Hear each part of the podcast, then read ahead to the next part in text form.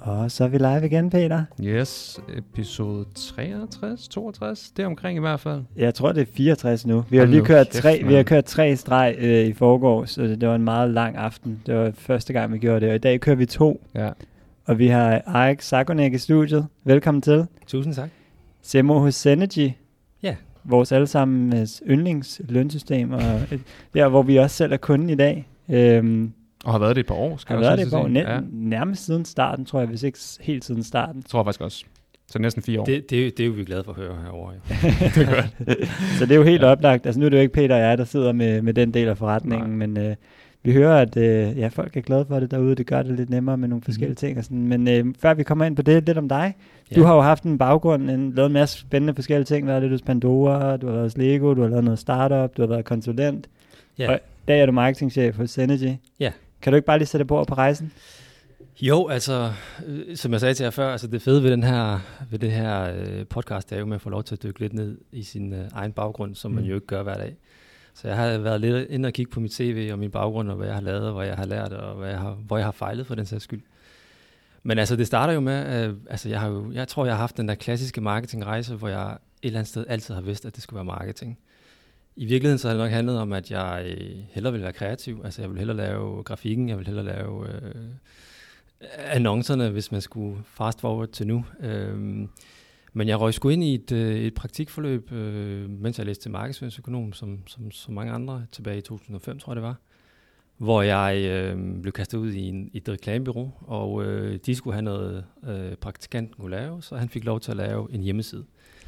Klassiker. Klassikeren, ja. Og det var jo, øh, som sagt, 2005, så det var inden det var øh, mobiloptimeret og øh, responsive og alt det her. Øhm, men fra den dag, der så jeg mig stort set ikke tilbage i forhold til det digitale, øh, det digitale medie. Så jeg har faktisk arbejdet med digital markedsføring stort set øh, siden den dag og så frem til nu. Men efter markedsføringsøkonom, der læste jeg jo så øh, en bachelor ovenpå fra i Cambridge, øh, hvor jeg så var i England øh, i et års tid. Og kom så tilbage til, øh, til København på det tidspunkt, hvor jeg boede, øh, og, øh, og tog så et, øh, hvad jeg kunne få. Det, det gør man jo typisk, når man kommer ud af, Mm. af uni. Så tager man jo, hvad man kan få, og der røg jeg ind som, en, øh, som vikar på et øh, forsikringsselskab, øh, som hed IHI, International Health Insurance, hvor jeg sad og simpelthen behandlede skader. Øh, men jeg sad jo hele tiden og holdt øje med, øh, var der nogle åbninger i marketing, og det var der så. Og det var faktisk det første øh, forsikringsselskab, så vidt jeg husker, der solgte poliser online. Så de havde jo øh, en e-business afdeling, som, som, som lige på det tidspunkt manglede en mand, øh, og der røg jeg så ind. Og der var jeg så lidt øh, over et år, års tid, så vidt jeg husker, øh, og røg så til, til Pandora. Efterfølgende, hvor jeg sad et års tid på, øh, på hovedkontoret i Glostrup, øh, og var så heldig, at jeg jeg ramte jo en, en, en periode i Pandora, som var sådan lidt øh, en, en vaskemaskine på, på centrifugen. Hvilket Altså- årstal var det her? Bare sådan til kontekst. Ja, men det har været 2010, så der har været noget med Cassie Jesper og lidt rod der, og lidt uden at skulle øh, sige for meget. Men det betød så held uheld, at jeg fik muligheden for at tage til Australien øh, sammen med min familie og være der et par år i Pandoras øh, afdeling dernede, øh, hvor, hvor jeg fik lov til at bygge en øh, digital stedværelse op for, for Pandora dernede, øh, for Australien, New Zealand og Stillehavsøerne. Og det var jo lidt, kan man sige, øh, der jeg virkelig fik, øh, fik øh, hår på brystet for første gang. Mm. Og nu siger jeg første gang, fordi der var lidt flere gange, jeg fik hår på brystet i min karriere. Men lige der, der øh, altså det var der, hvor jeg virkelig fandt ud af, det at sidde på et hovedkontor, det er altså ikke der, man måske skaber de der kommercielle øh, relationer og kommercielle erfaringer. Det er ude i markedet, ude i skyttegraven, mm. ude i retailet. Min rolle var jo så at skulle sælge det digitale ind til, øh, til øh, et meget konservativt smykkemarked. Fordi øh, det er jo retailerne, der gør en forretning. Mm. Og vi havde altså nogle retailere, som har eksisteret i måske i 100 år, i flere generationer, og komme og fortælle dem, at man fra et hovedkontor nu skal have e-commerce for eksempel. Den var svær for dem med. øh, og det kæmpede jeg rigtig meget med, kan jeg huske. Så det var virkelig noget med at skulle øh, ned i øjenhøjde, øh, forklare dem helt ned på lavt niveau. Hvad handler det om? Hvad kan det gøre for jeres forretning? Fordi de så det selvfølgelig som noget, der stjæler omsætning fra deres forretning, når folk ikke kommer ned i butikken længere. Men man kan sige, at Australien er jo et perfekt land for e-commerce, fordi afstanden er så stor. Yes. Mm. Så sidder man i Perth og gerne vil købe noget fra Sydney, jamen så er e-commerce jo, jo perfekt. Og det lykkedes jo til sidst, kan man sige, at få dem overbetalt og få, øh, over, overtalt og få lavet en, øh, en revenue share model, som, som, som passede alle sammen. Men det var som sagt, da jeg fandt ud af, hvor meget politik og hvor meget kommersiel, øh, kommersiel øh, mindset man skal have for, for ligesom at drive en forretning. Det er også en, en stor udfordring for mange sådan nyere e-com first, direct-to-consumer brands i dag, ikke? Sådan, når de så også begynder med, med wholesale-ledet i forretningen, mm. og så opstår alle de der problemer. Sådan, jeg tror, det, det har jo været en stor udfordring lige siden e-com var en ting, både for dem, der startede wholesale, og så tilføjede e-com, men nu også ja. dem, der startede e-com og tilføjer wholesale. Absolut. Samme problematikker. Mm. Absolut. Og hvad så efter? Jamen så øh, tilbage til, Dan- til Danmark. Altså, i, ideen var, at jeg også skulle tilbage til, øh, til Pandora hovedkontoret. Nu havde jeg ligesom fuldført min opgave. Øhm, men nu er det sådan, at både min kæreste og jeg, vi er jo fra, øh, fra Jylland, øh, har vores rødder der, og nu havde vores, vi havde vores datter øh, med, øh, lille datter på halvandet år, da vi fløj derned. Og hun havde næsten ikke set sine, sine bedsteforældre osv., så, så nu tænkte vi, nu, nu, nu finder vi lige vores fødder igen i, i, i Jylland, i Esbjerg sælger lejligheden i København og, øh, og øh, ser, hvad det, hvor det bærer hen. Og der fik jeg så en stilling hos, øh, hos Bestseller, øh, hvor jeg øh, havde ansvaret for online markedsføring for det brand, der hedder Jack Jones. Mm. Øh, der var jeg lille, ja, lidt over et års tid. Og det var, det, der var køreturen simpelthen for lang. Og så jeg synes også måske, at matchet mellem mig og virksomheden ikke, ikke, ikke, ikke helt spillede. Det var en ung virksomhed, og det kunne man tydeligt mærke, og jeg følte, at jeg måske var et, et ja, det, det er selvfølgelig svært at sidde og sige her, men måske et modens, modens step øh, længere op, hvis man ja. kan sige det sådan. Ikke? Altså, der var, det, der var andre steder, der var bedre for mig. Så der fik jeg så jobbet hos, øh, hos Lego, som øh, køremæssigt fra Esbjerg er et kvarter tættere på, så, så hele den øh, argumentation kan man måske ikke helt bruge, men, men, men Lego er jo et sted, som mange drømmer om og, og gerne vil hen, øh, og jeg, jeg må sige, at alle de forventninger, man har haft til den, til den øh, virksomhed som arbejdsplads, de var blevet opfyldt øh, gange 10. Og hvad lavede du der? Hvad stilling var der tale om? Der var jeg, det var, jeg var faktisk den første af dem, de kaldte uh, Retail E-Commerce Manager. Så en Retail E-Commerce Manager er sådan set en intern konsulent, som rejser rundt til alle kunderne og underviser dem i, hvordan de kan sælge mere online. Spændende rolle. Mm, ja. Spændende rolle, og øh, da jeg startede, der var jeg som sagt den første, og da vi sluttede, der var vi syv. Øhm, og undervejs, faktisk under min, det var i øvrigt ret, øh, en ret øh, omfattende proces øh, i forhold til at øh, få, øh, altså komme ind hos Lego. Så der var, jeg husker fire samtaler og nogle tests og nogle prøver. det er det samme, jeg kom ind i også. Ikke? Ja, ja, ja, ja, ja, præcis. Altså, men deres holdning er jo selvfølgelig, at det vigtigste er, at du kommer med en øh, god attitude og en god holdning, mm. fordi alt andet skal du nok lære. Mm. Og det er et eller andet sted smuk, uh, smuk måde at tænke uh, på. Altså, hvis man, hvis man kommer ind med en rigtig indstilling, jamen, så skal vi nok få dig lært alt det, vi kan, vi kan lære dig. Og det er jo faktisk sådan, at den lederuddannelse med Force Lego, den er simpelthen så gennemført, at man faktisk kan blive flyttet rundt i alle mulige afdelinger og stadigvæk være ret effektiv. Mm. Så en marketingmand kunne i teorien faktisk godt blive flyttet over finans, og stadig være en dygtig leder derovre. Ja. Øh, imponerende. Imponerende, ja. Det var en, en helt anden type virksomhed. Øh, som sagt, fantastisk sted at være. Altså alt er skrevet ned i processer, og alt, altså der er ikke noget, der er tilfældigt hos Lego. Gå ind i en, øh, i en forretning og ser æskerne stå, jamen, så står de bare på ingen måde tilfældigt. Øh, og hos, i nogle forretninger, der har færre hyldemeter, der skal tre af dem stå med kanten ud, og, og så videre, og så videre. Mm. Og hvilken øjenhøjde.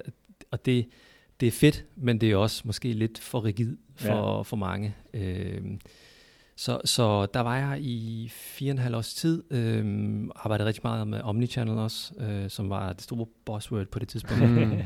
Den har vi haft op mange gange ja. i podcasten også. Ja, og, og, og nu findes det ord nærmest ikke. Altså, det, øh, jeg ved ikke, hvor det er blevet af, det ord. hvad er det overhovedet nu?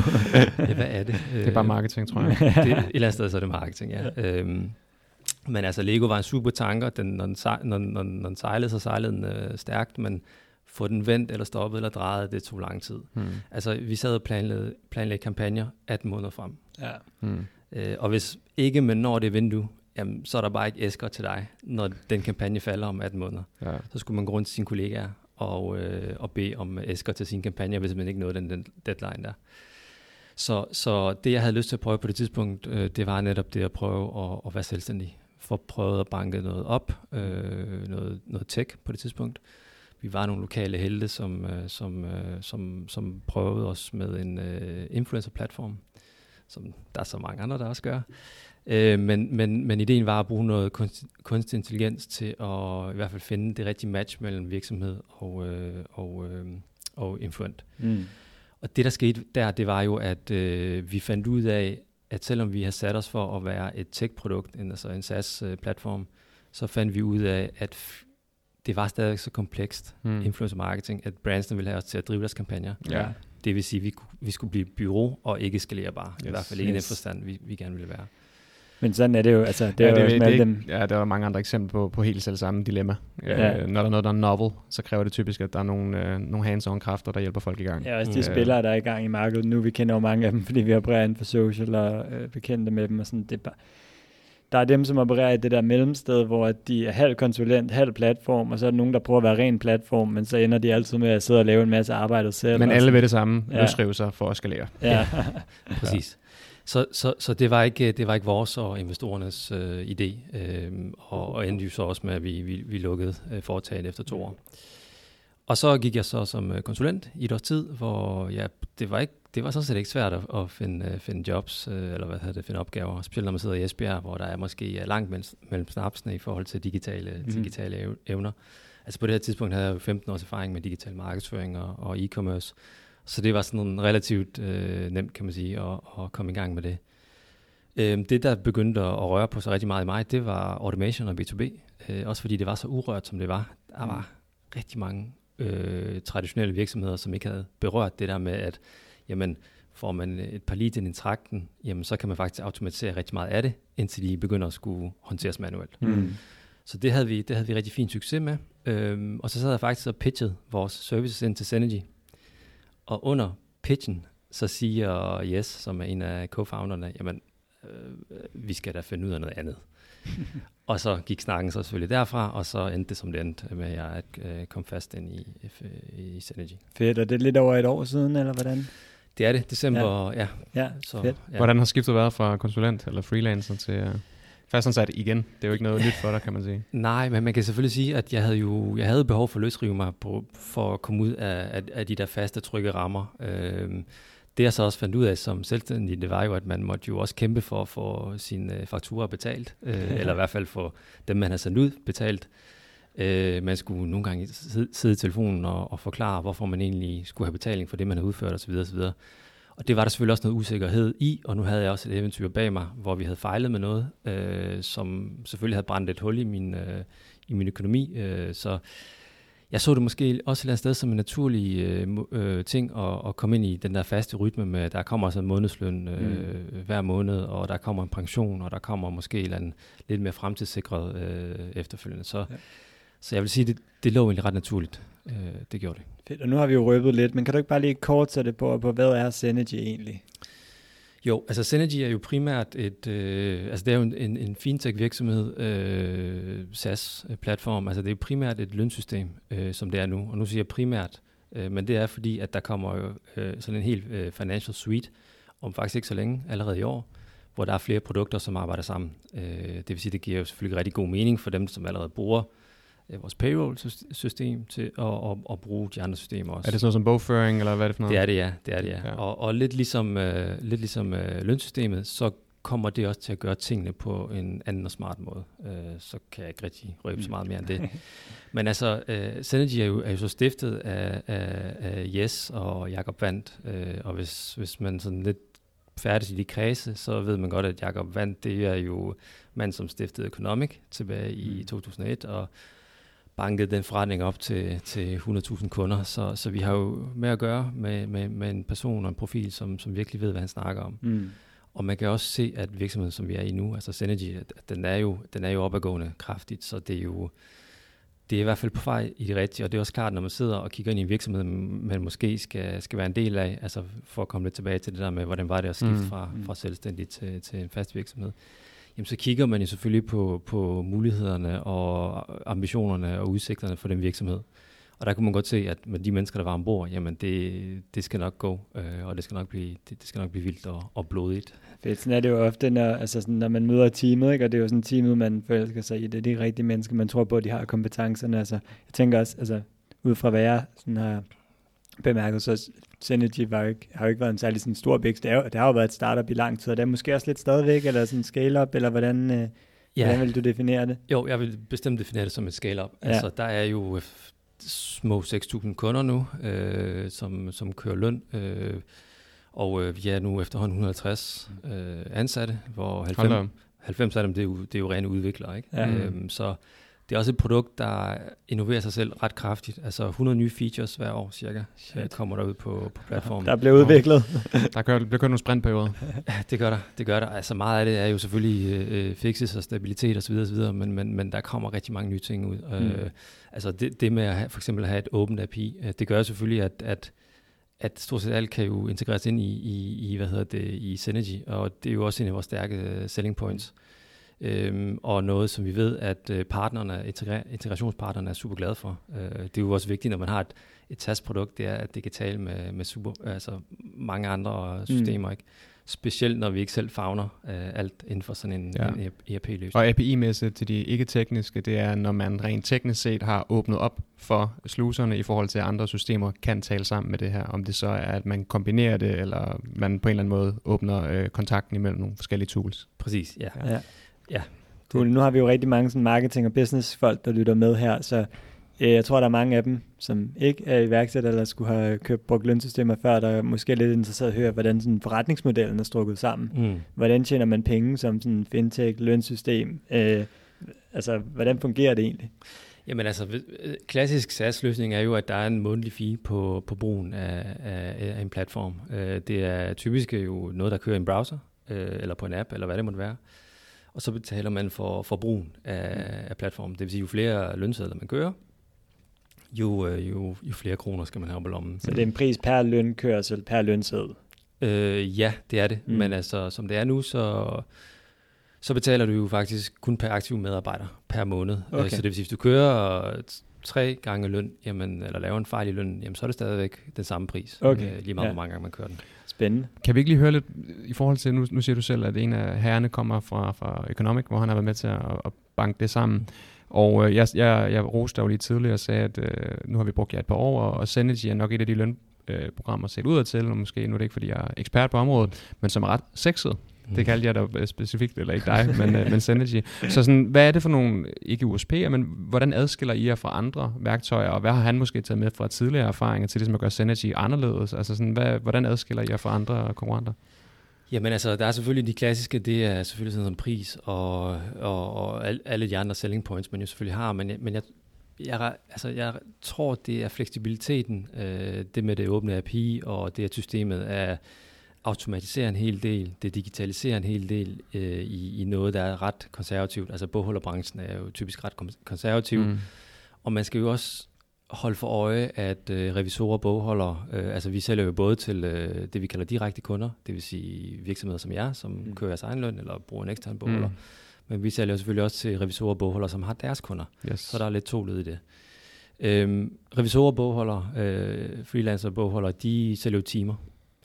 Og når vi selvfølgelig kommer med et produkt, som, som sparer dem for, for, for timerne, jamen så skal vi selvfølgelig sælge, øh, sælge produktet øh, på, at jamen, du kan faktisk presse flere kunder ind øh, på samme antal timer. Men det, der selvfølgelig adskiller, tilbage til de spørgsmål, øh, uh, Synergy fra nogle af de andre, det er, at vi, vi er nok hvad kan man sige, noget mere innoverende på platformen, øh, end de andre er. Mm. Kigger man igen på, på nogle af de lidt mere traditionelle, som har eksisteret i, i markedet rigtig lang tid, jamen så, altså du får din løn på en app for eksempel, ikke? hvor du kan gå ind. Øhm, nu har jeg jo fået mange lønsedler igennem min karriere efterhånden, og jeg ved stadigvæk, hvad 80% af de, de linjer, der er på en lønseddel, betyder. øh, det, der overrasker mig, overrasker mig, mig meget på, øh, på, på Synergy, det var jo, at jeg faktisk ind i appen kan, kan klikke på hver eneste ting. Øh, hvad betyder AM-bidrag, hvad betyder, hvor meget ferie jeg har sparet op, yes. og hvad betyder det osv., og det er det, der gør, at brugeren også bliver involveret, fordi ofte bliver den, der modtager øh, lønsedlen jo egentlig ikke spurgt. Altså øh, virksomheden bruger det lønsystem, de bruger, og sådan er det bare. Mm. Så fleksibilitet, innovation og selvfølgelig det klassiske med, med prispunkt øh, okay. for mange. Ja. Og så springer vi mit ord øh, sexet henover, øh, lidt og galant. Nej, men øh, jeg synes bare brandmæssigt, nu har jeg jo været inde i platformen, jeg har fået jeres lønsedler, altså jeg har jo prøvet lidt af hvert også, som du, som du selv siger. Mm. Der synes jeg bare, at I har taget den et nyk op, som ikke er noget, det er ros til, hvem end der laver UI endnu, siger Jamen, det bliver han glad for. Det er, det er en gut, der hedder Jeppe, så han skal nok... Shout out til Jeppe. shout out til Jeppe, Og nu er det ikke for at uh, hakke Jeppe ned, men jeg tror også, altså jeg er enig, Peter. men, men jeg tror også, at det har lidt at gøre med, at sådan, konkurrenterne nok er også lidt nogle stødespillere. Det er en, en, en dinosaurbranche, ikke? Jo, det er det. Og sådan, men om ikke andet er den i opbrud også. Ja, jo, ja men, altså, vi har jo begge to arbejdet i nykredit. Vi har jo fået de der danlønsedler der, altså vi, ja. og hvad der ellers er. Sådan, det, det, der, der, bare det, at der er nogen, der gør det sådan lidt fedt, har et nice navn, altså sådan, det er også bare navnet. Nu, nu er det ikke, fordi vi skal sidde hakke ned på konkurrenten. Og vi skal også snakke om marketing. Yes. Så lad os, lad os dykke ned i marketing. Kan du ikke starte med bare lige kort opristen marketingorganisationen i Synergy? Hvordan, øh, hvordan ser den ud, og hvilke kompetencer har I internt? Har I bureausamarbejder på, eller hvordan er setupet skruet sammen?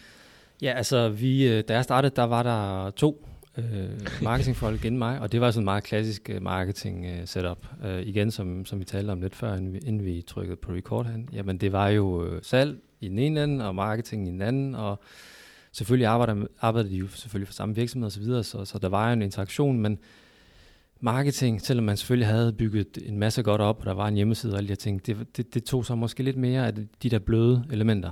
Øh, det var, som, som vi snakkede om før, at skrive en blog og lave et organisk post og lave en brochure. Den, den klassiske B2B-marketing ja. del, ikke? Øhm, nu er vi så øh, 4,5, øhm, så, så vi har fået to mand mere, øh, kan man sige. Øh, så vi er mig selv selvfølgelig, og så er vi øh, en marketing manager. Vi er en inbound marketing manager, som er en af de nye tilføjelser, vi har lavet. Og så er vi en koordinator, og så er vi en halv øh, grafiker. Mm. Øh, det er selvfølgelig begrænset, hvor meget grafik man skal lave i en B2B-branche, men mm. det er mere, end man lige tror. Øh, er de gode at have? De er rigtig gode at have, hvis ikke man selv skal, skal sidde og, og arbejde med Photoshop selvfølgelig, eller Canva. Canva, eller, ja. Ja, lige præcis. Ja. Øh, men, men det er organisationen, som den er i dag, og man kan sige, en af de store skifte, vi lavede, der, og måske også en af de ting, som, som gjorde, at jeg under pitchen blev, blev approached af, af Jes der, som, som, co, som er co-founderen, uh, co-founderen, jamen det var jo, at vi netop solgte hele den her automation og, og data-drevne tilgang ind. Altså øh, den mulighed at kunne tale med tusind på en gang, øh, via en video, eller via noget, noget automated øh, funnel, eller andet, jamen det, det har været det helt store skifte, øh, kan, øh, kan, kan man se øh, mm. på den. Check. Og hvad med sådan indsatsområder? Man kunne, der er jo, jeg kunne forestille mig, at det er en del, øh, hvad kan man sige, pull-marketing i form af SEM og SEO. Det er en stor ting for jer. Det er selvfølgelig også øh, de andre, den anden side af bordet. Men hvilke indsatsområder har I? Sådan, hvilke kanaler og platforme? Ja, nu fik jeg ikke lige talt til, til bureau. Sådan Vi bruger et bureau til at sætte vores øh, kampagne op. Øh, ja. Altså simpelthen trykke på knapperne. Altså alle kamp- ja, det, det er det, vi gør, Alex. Vi trykker bare på knapper. nej, nej. Jeg er, med på, jeg er med på den. Der er jo selvfølgelig forskellige grader af, hvordan man bruger et bureau. Der er jo, mm. man lægger det hele over, både med koncepter og udvikling yes. og så videre, og så er der den, hvor man egentlig skal have nogen til at eksekvere øh, mm. hænder og fødder. Og, og det er lidt den, den sidste af dem, vi bruger. Mm. Så alle kampagner, alle uh, tekst, alle uh, vi, copy og så videre, uh, assets, det kommer fra os. Okay. Og så bliver det eksekveret af dem. Øhm, det er en kompleks branche, vi er i, og der er en lang salgscyklus. Yes. Øh, det er en kompleks øh, produkt, øh, og der, nu er der flere produkter på vej, så det bliver heller ikke mindre komplekst af det. Så indsatsområder, det er selvfølgelig at få noget trafik ind på, på siden. Det er at få nogle konverteringer på, på, på siden. Vi tænker rigtig meget trakte, fordi mm. vi jo netop ved, at salgscyklus er mega lang. Altså vi snakker jo 3, 4, 5, 6 måneder nogle gange. Yes. Man skifter ikke bare lønsystem. Man kan sige, prismæssigt er det ikke det helt store skøn, øh, skiftlønssystem. Mm. Men altså alle de systemer, man skal få det til at snakke sammen med, øh, folk skal trænes internt mm. osv. osv. Så risikoen ved at skifte til det forkerte lønsystem er relativt stor. Ja. Så derfor så skal der brydes barriere ned, der yes. skal tales, der skal nurtures, der skal, der skal alle de her ting her. Mm. Så oppe i toppen af trakten, hvor vi har typisk marketing, der bruger vi rigtig meget white papers. Uh, vi, vi altså vi er gået væk fra den der pain point, løse pain point uh, marketing til, uh, til at positionere os som værende eksperterne inden ja. for, yes. for uddannelse af markedet. Ja. Lige præcis. Uh, ja, uddannelse af markedet. Ja, altså vi er jo uh, vi, vi er jo et hus, der er nærmest er opgjort af, af revisorer, ikke? Altså, så vi, vi har vi har en masse know-how. Vi ved masser om løn, og den positionering skal vi ud, ud og skabe os. Uh, vi sikrer, at vi kommunikerer med de rigtige også. Så det vil sige, vi jeg vil sige 9 ud af 10 af de der leads, vi får ind, altså de er rimelig relevante for os. Øh, rimelig relevante. Fedt. Og det, det er nemlig rigtig godt, men vi sørger også for, at vi i vores kommunikation altid henvender os til lønbogholderen, eller sidder du med løn i din virksomhed, yes. så mm. vi ikke får nogen de forkerte ind, så vores, når vores leads, de ruller ned til vores SDR-team, som skal sidde og lave discovery på, på alle de her leads her, sådan at de ikke sidder og spilder deres tid på, på noget, der ikke bliver til noget alligevel. Og det er Sales Development Representative, Det er præcis, som ja. det så pænt og Ja, tungnemt hedder. Ja, men det gør det jo, og, og, og det faktisk igen, for at vende tilbage til, til de første spædedage, hvor jeg startede, der var det jo bare et out, bare i situationstegn. Nu kan I ikke se det på dem, der lytter, men, men jeg sidder og Mm. laver situationstegn her. Så var de et uh, outbound team, der sad og ringede koldt hele dagen stort set. Yes. Ikke? Uh, meget demotiverende, og noget man laver i måske et år, og så med videre ikke i sin salgs, uh, salgskarriere. Så dem fik vi ændret til et uh, SDR-team, Øhm, og øh, det vil sige, deres rolle er meget mere øh, research og grave data frem på, på leads, mm. som man kan, jeg hader at bruge det, men som man kan bruge imod dem, øh, når man skal sidde og lave kampagner.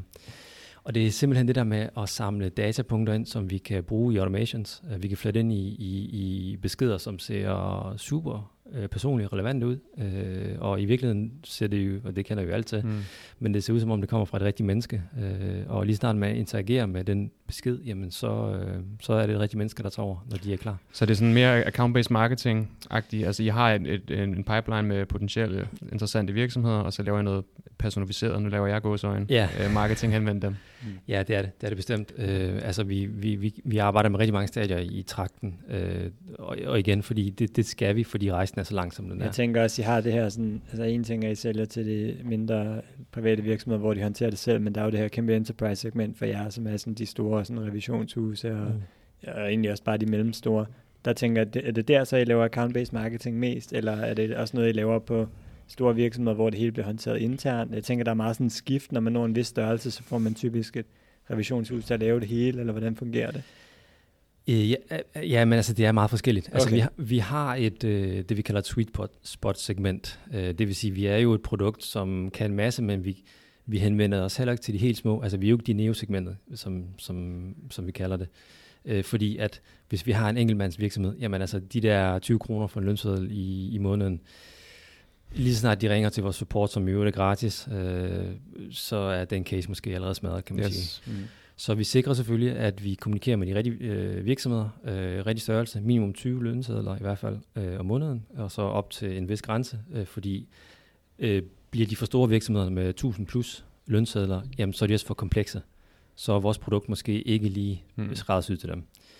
Så, så jo, der er de store revisionshus. Øh, det, det er nok der, der er mest øh, account management øh, Mm. og marketing fra den side af. Så vi har jo faktisk et admin-team også, som vi kalder dem.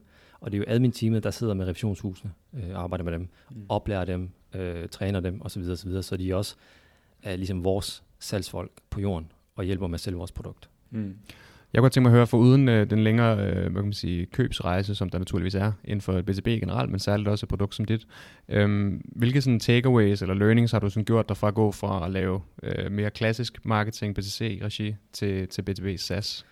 Hvilke overraskelser har ligesom kommet for uden det, eller hvad har Jamen- du taget med? Jamen, den største overraskelse har jo egentlig været, at øh, der faktisk ikke er så meget forskel. Og det er jo måske også derfor, at vi har opnået den succes et eller andet sted, vi har. Fordi altså et eller andet sted, jeg, jeg er med på, at der er andre stakeholders, der er andre beslut- beslutningstager, der, der, der er i sådan en købsproces. Men i virkeligheden, så er det menneskelig psykologi, man aktiverer. Øh, og den måde, man måske går ud og laver sociale medier på, jamen det er et eller andet sted det samme. Det samme mekanismer, man skal fange dem på.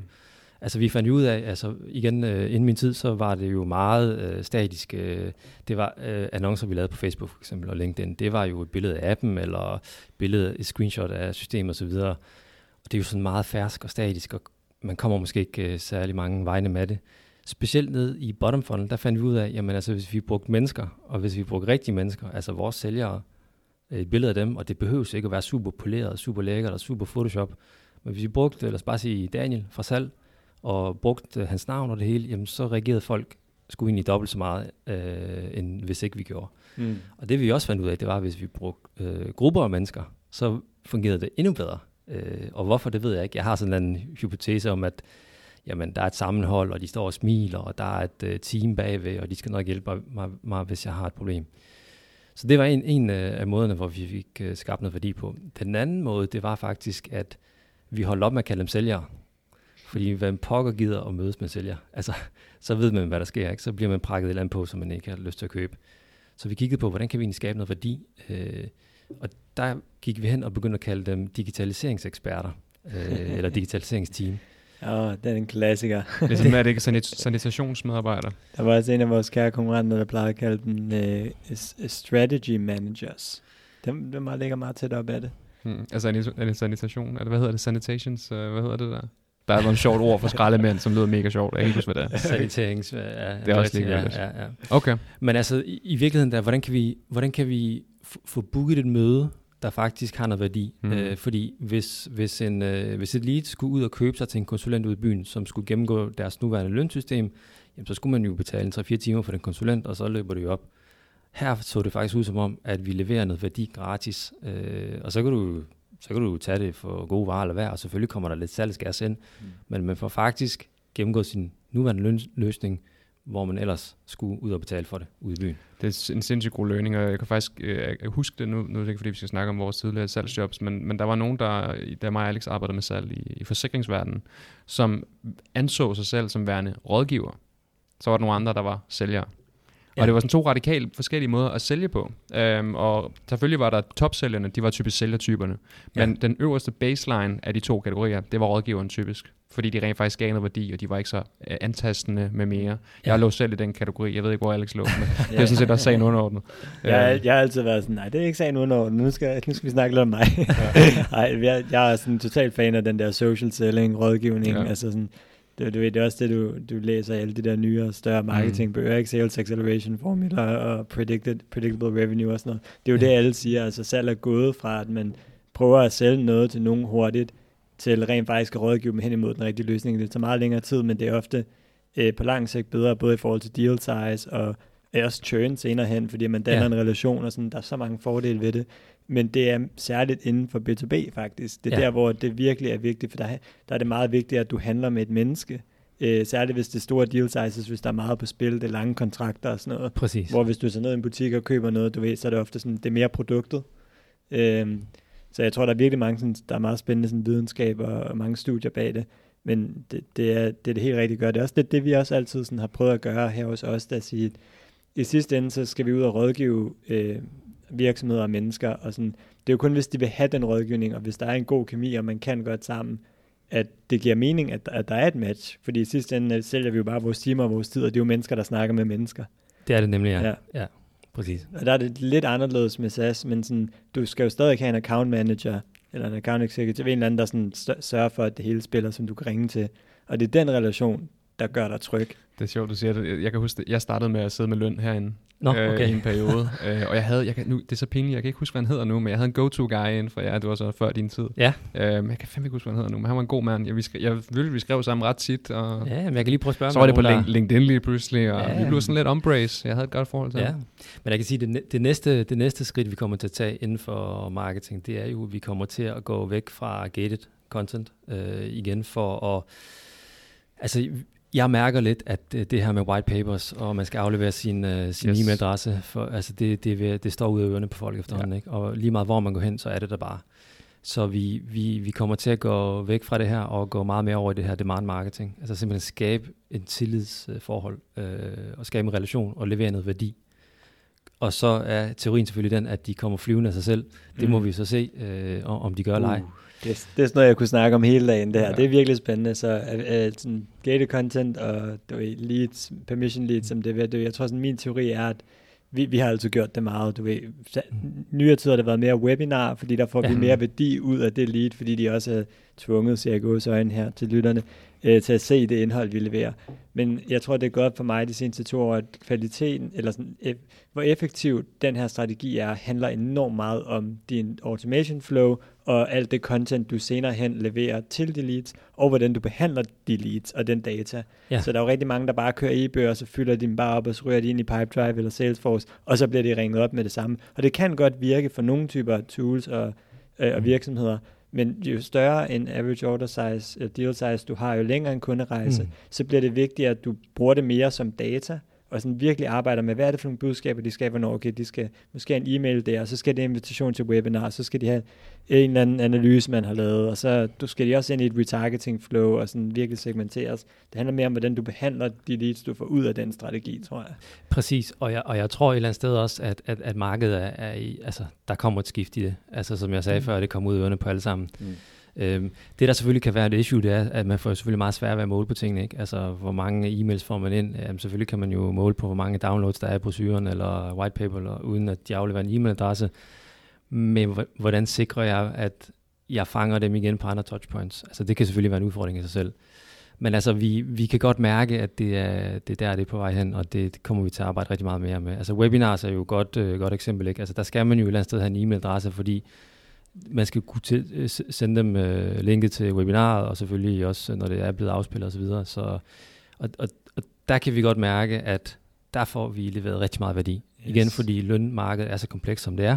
Og når vi kan lave webinarer, der ikke bare handler om support, men egentlig, hvordan, hvordan kører du en løn, hvad er globale værdier, hvad er og så videre, og så videre, jamen så kan vi se, så, så, dukker, så dukker de op, ikke? og der snakker vi sådan typisk flere hundrede, der dukker op, bare for at kigge på løn. jeg, jeg læste en helt vild uh, LinkedIn-opslag om sådan B2B-marketing, jeg kan huske, hvad han hedder, men de havde uh, sådan firedoblet, hvor mange konverteringer de fik ud af deres e-bøger ved at ændre formålet ved e-bogen. Før i tiden havde det været, at de skulle generere permission, som de kunne kontakte. Så havde de lavet en ny e-bog, hvor målsætningen var at fylde den med så meget content og links til andre steder, så de mm. kunne få mere værdi. Ah, ja. så, så er der noget link til YouTube-kanalen, hvor vi har alt det her. Så er der link til vores blogunivers. Øh, så er der link til det her gamle webinar. Men den var ikke gated, eller hvad? E-bogen? Øh, det ved jeg ikke, om den var. Okay. Øh, jeg, jeg tænker, at, du, at lige meget hvad, så skal du nok have noget permission på, før du kan sende den. Det, det ved jeg ikke helt sådan rent juridisk. Men hele ideen var egentlig bare at få folk mere ind i deres content-univers og ja. konsumere mere content. Præcis. Og, og det er jo også en af de ting, vi gør i vores, øh, altså når vi først får dem ind i den automated flow, jamen så leverer vi faktisk øh, mere content. Altså vi tager faktisk som det første i vores øh, flow, der kommer der en mail med seks øh, nye e-bøger. Og det er fordi, nu har vi jo fået deres øh, detaljer, så der er ingen grund til at gate det længere. Jamen, her er al den værdi og det næste, og det næste, og det næste. Så, så, så, så, hvad kører I så ellers? Cases, blogposts, hvad kommer der i, i, i flowsene? Ja, så kører vi uh, cases, øh, som du siger, uh, blogpost, og så kører vi forskellige funktioner, som vi har på vores hjemmeside. Nu har vi ikke uh, den live endnu, men for eksempel en prisberegner. Ja. Altså jo længere de kommer ned i, uh, i vores uh, trakt, mm. jo mere er det interesseret i at vide om, hvad kommer det praktisk til at betyde for mig, uh, pris, uh, implementering osv. osv. Klart så har vi faktisk også haft, øh, altså vi har, vores webinars bliver jo så optaget, og så bliver de så kørt som øh, optagelser, som så ser ud som om øh, det er øh, webinars, der er live. Og der kan man jo stadig sidde og chatte med, og der kan stadig sidde en og, og moderere osv. Og, og chatte Smart. tilbage. Mm. Men altså ved at have den kørende hver 14. dag i det her drip flow, jamen, så får vi faktisk nogen på det, og så kører hvad kan man sige, den der salgsmotor på det. Og det fungerer faktisk rigtig, rigtig fornuftigt. Genialt. Ja. Genialt. Fedt. Vi skal også snart til at runde af, ved jeg, men øh, jeg kunne godt tænke mig at høre, har I ellers noget sådan spændende på tegnbrættet? I har en masse øh, opkommende features, kan, kan jeg øh, i hvert fald høre på dig. Har I ellers noget sådan marketing-wise, nye ting, I gerne vil teste af, nye strategier, nye tanker for året? Altså det store for os kommer nok til at være webinars øh, og, øh, og videoindhold generelt. Yes. Øh, det er igen det er et, et, et super komplekst område, vi opererer på. Altså jeg vil ikke kunne stille mig op og fortælle om løn. Øh, vi skal have fat i nogle øh, eksperter. Og det er lidt, nogle, lidt en udfordring for os. Øh, så når vi først får nogle, nogle interne ressourcer, som kan stille op, så vil vi selvfølgelig bruge dem til, til, til kurser og video osv. Så, videre. så videoindhold, indhold, der leverer værdi, vil være det, det, det næste, vi, øh, vi arbejder med. Flere webinarer, øh, kortere webinarer, men flere, øh, og, øh, og i, i øh, hurtigere kadence, kan man sige. Yes. Ja. Og frekvensen på værdiskabelsen. Præcis. Det er ret sjovt. Det, det tror der er mange, der laver den øvelse lige nu, i hvert fald inden for B2B, bare webinar, det er der folk går hen, fordi det er gået op for altså, marketeers, at hvis du kan få, et, du får en permission, men du kan få folk til at se med i lang tid, og virkelig danne en relation til de mennesker, der afholder det. Så mm. hvis, du, hvis du kan bruge de samme i en længere periode. Ikke? Mm. Og så også bare det med at gøre det ofte, fordi der er bare så sindssygt meget derude hele tiden. Og sådan, hvis du kan finde en eller anden fast videnskilde, hvor du kan få din viden, som alt sammen er relevant, så danner du også en lille relation til det brand eller den person, der leverer viden. Præcis, ja. Det er sgu cool. Enig. You're preaching to the choir. vi er meget enige herovre, kan ja, jeg ja, det, det, det, det, det vi, lige, vi skal lige sidde og nørde nogle automation flows bag. Det tror jeg, vi skal. Ej, vi har fem spørgsmål, vi skal igennem. Ja. Jeg har hævet noget papir frem, for jeg kan umiddelbart ikke huske de her fem spørgsmål, Nej. selvom jeg har læst dem op 60 gange. øhm, er du klar? Ja. Rapid fire. Hvad er det bedste køb, du har lavet det sidste år? Og jeg kigger muligvis på det, as we speak. Det ved jeg ikke, hvornår du har købt den der. Øh, nej, det er det sådan set ikke. Øh, Det er, jeg, jeg prøver faktisk, når jeg ikke er på arbejde, så prøver jeg faktisk ikke at arbejde. Øh, så jeg, jeg, jeg har købt en motorcykel. Øh. Fedt. Det skal vi to snakke om. Ja, Nu er I en? bedste venner. Hvad er det for en? jamen jeg har faktisk øh, jeg har købt sådan en gammel, øh, gammel sag, som jeg har bygget om til en scrambler. Café. En scrambler, ja, En fedt. scrambler, ja. Sådan en, en, en Yamaha, øh, hvad hedder det, SR 500 fra 79. Ej. Og det er ikke så meget fordi, at jeg elsker at køre motorcykel. Jo, det gør jeg selvfølgelig også, men, men det, er jo, det er jo mere det der med at skulle lære, hvordan pokker en motor virker. Altså hvis jeg selv skal skrue på den, så er det bare en hændsmanual og så er det bare i gang. Mm.